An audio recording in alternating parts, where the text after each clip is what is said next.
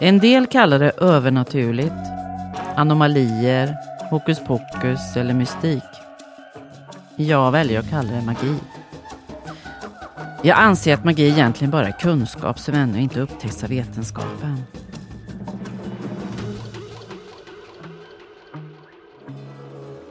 Jag växte upp i en familj från nordligaste Norge där magi kallades för mer än sitt fader vår. Det var ofta en och en nödvändig naturlig del av livet när det var alldeles för långt till en doktor. Och på min mammas sida av familjen fanns det rikligt av den. Min mormors mor Marit tillverkade örtmediciner och pratade med kråkorna. De berättade för henne om det kom främmande till den lilla fjorden som ännu inte hade någon väg. Och hon var en duktig doktor. Mormor berättade att de sällan var sjuka när hon och de andra sex syskonen växte upp. Marit skickade till och med efter ingredienser som hon inte kunde få tag i, ibland ända från Danmark. Hon experimenterade och skrev egna recept. Hon kände jorden och dess element. Och hon var även vän med Huldran, som enligt mormor Sigrid bodde i underjorden. Mormor berättade att de flera år på rad hade mist en kalv och ingen kunde förstå vad som var fel. Då gick Marit ut i laggården och sa med hög röst att hon ville veta varför kalvarna dog. Och om hon hade gjort något fel. Och på natten så kom Huldren till henne i drömmen och sa att kalven var hyran som hon tog då Marits ko stod på deras köksbord. Och att det skulle fortsätta så länge hon stod där. Och nästa dag så bestämdes det att laggården skulle flyttas.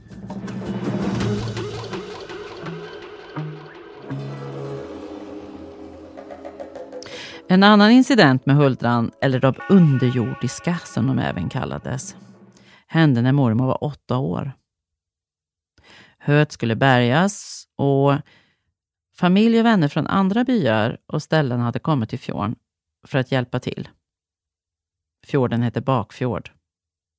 Även mormors kusin som var i samma ålder som henne hade kommit dit och alla barnen hade fått sträng order om att inte leka i höladan med de vuxna. Men medan de vuxna var inne och drack kaffe så eh, passade mormors kusin att smyga in och gömma sig där. Ja, och ingen hittade sen kusinen, även om de letade i höladan. Hon var bara spårlöst borta. Till slut så kände sig barnen tvungna att berätta för de vuxna att kusinen faktiskt var borta. Man letade överallt, till och med även nere vid sjön. Och mormor erkände till slut att kusinen hade gått in i höladan som de inte fick. Men man hittade inte henne där heller. Nu hade även Marits mor kommit för att hjälpa till, det vill säga min mormors mormor, som även hon kunde mer än sitt fader vår. Hon sa att hon skulle hämta flickan. Hon gick in i ladan och sa att ingen fick komma in så länge hon var där. Efter en halvtimme så kom hon ut med mormors kusin, tror eller ej. Alla var såklart enormt glada och lättade och sen pratade man inget mer om det. Man visste att det fanns mer mellan himmel och jord som var svårt att förklara och man visste att yttrade ord hade makt. Familjen hade stor respekt för Marits mor och hennes kunskap och ingen frågade så länge hon inte sa något. Mormor var såklart sprickfärdig av nyfikenhet och frågade kusinen vad som hänt. Och när de gick och la sig på kvällen så berättade kusinen att hon hade gömt sig i höet och plötsligt så upptäckte hon en dörr. Hon knackade på och öppnade och där inne fanns ett stort och ljust rum fullt med folk. En väldigt vacker kvinna stod vid spisen och lagade mat. Kvinnan ropade in henne och sa att det var bra att hon kom, för nu var maten klar. De skulle ha pannkakor, vilket var kusinens favoriträtt. Så det kunde hon ju såklart inte säga nej till. Men plötsligt så stod mormors mor i dörren. Hon bad om ursäkt och sa att det var dags att gå hem nu. Hon tackade så mycket för gästfriheten och hoppades att flickan inte var till besvär. Sen tog hon kusinen i handen och gick därifrån vilket tydligen var i sista stund, då det sägs att eh, om man äter deras mat så kan man inte lämna dem.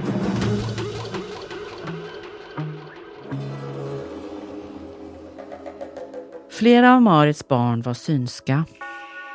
Bland annat min mormor då, som såg andar eller avlidna och fick varsel. Mormor tyckte det var jobbigt och hade några incidenter som gick så in på henne att hon fick hjälp att ta bort den gåvan. Men ödet ville att hon skulle gifta sig med en man som behärskade en annan sorts magi. Min morfar var en så kallad sejdeman. Han kunde påverka materia med ord. En trollkarl med andra ord. Sådana fanns det flera av förr i tiden. Ibland kallas de för kloka gubbar. De sysslades ofta med att hila folk. I min familj så sa man att morfar läste på någon. Han räddade till exempel min pappa från att dö i magsår. Mamma ringde morfar som bodde 30 mil bort och bad honom hjälpa pappa. Då hade läkarna bett henne komma. De trodde inte att han skulle överleva. När de kom till sjukhuset hade han oförklarligt återhämtat sig. Att påverka materia med ord är något vi gör dagligen, oftast utan att veta om det.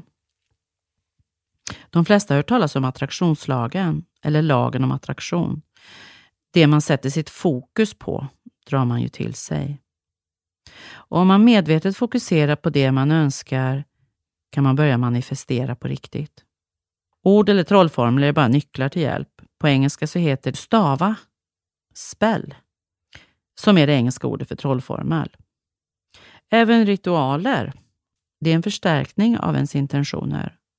Det är därför vi har dop, giftermål, konfirmation och andra kyrkliga ritualer och en präst som läser. Masaru Emoto, en japansk författare och forskare, blev väldigt uppmärksammad när han skrev böcker och gjorde eh, forskning omkring vatten.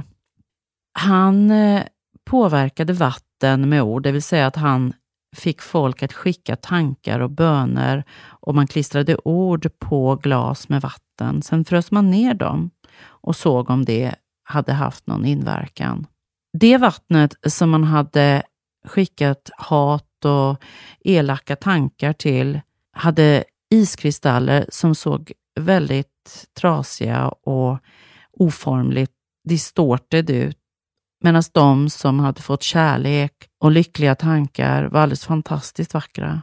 Det här finns det till och med små filmsnuttar på. På nätet har jag sett, så det kan man se. Och det går troll i ord, det vill säga det här att verkligen tänka på vad är det man säger? Vad säger man till varann?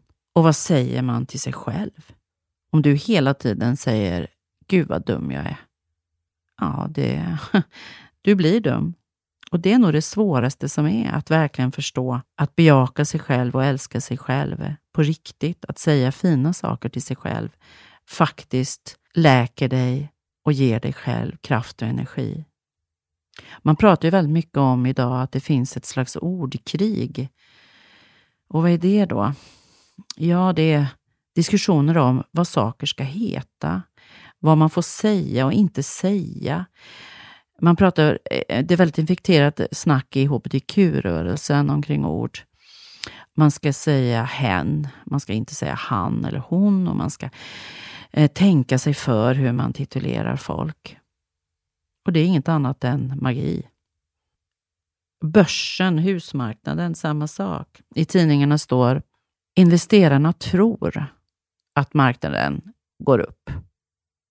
Eller husägarna tror att deras hus kommer att öka i värde. Vad har det med något att göra? Jo, det har med tro. Och tror man någonting så händer det. En annan snubbe som påverkar många med ord är Elon Musk. Han kan gå ut på Twitter och, och bara twittra en mening och plötsligt så rusar en viss kryptovaluta eller inte.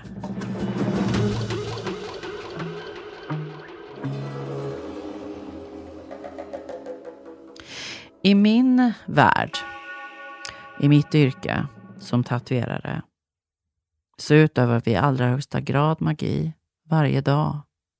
Tyvärr är väldigt många tatuerare inte medvetna om det. Men intentionen är enorm. Du har en bild i ditt huvud. Du överför det för alltid på en annan människas kropp. Vad tänker du när du gör det? Tänker du goda tankar? Har du en god intention? Och om du har det så kommer på riktigt trolleri och magi att hända. Det finns väldigt många människor som säger till mig att jag har hjälpt dem. Att jag har hjälpt dem med deras sorg och deras kärlek på grund av tatuering som jag har utfört. En tatuerare som är från Samoa, eller var, tyvärr lever han inte längre, Paolo Suluape. Han tillhörde den uråldriga tatueringstraditionen. Han tatuerade med handverktyg på samma sätt som man har gjort i tusentals år. En av hans adepter berättade för mig att han och hans fru hade varit gifta i tio år, men de kunde inte få barn. Och när han sa det här till Paolo om sin sorg över barnlösheten så sa Paolo, jag ska hjälpa dig. Och så tatuerade han Inja, som mannen hette. Ett år senare så fick de en välskapt flicka. Man kan ju inte bevisa någonting här. Var det orden? Var det handlingen? Var det ritualen? Var det tron? Och egentligen spelar det ingen roll, för det fungerade. Vi har en annan intressant tatueringshändelse och det var när man hittade Ötzi, en tatuerad bronsåldersman i de italienska alperna, 5000 år gammal. Han hade mer än 39 tatueringar. Och Det intressanta med det var att de punkterna och strecken som han hade intatuerat i huden gick över meridianer, akupunkturmeridianer. Det såg ut som att någon hade försökt att hila honom. Och hur visste de vart de meridianerna gick? Man kan kalla det för medicinsk tatuering. Därför är det kanske bra att tänka sig för innan man tatuerar någonting. Till exempel din kärestas namn. Vad gör du då? Jo, du visar att någon äger dig. Man kan ju säga property off. Den personen har onödig makt över dig och väldigt ofta så går det som sagt troll i det. Och väldigt många gör slut kort därefter. Av någon intressant anledning. Allt betyder någonting. Och det är viktigt att tänka på att både våra handlingar och ord, om vi verkligen tänker efter, kan få en enorm impact på allt runt omkring oss.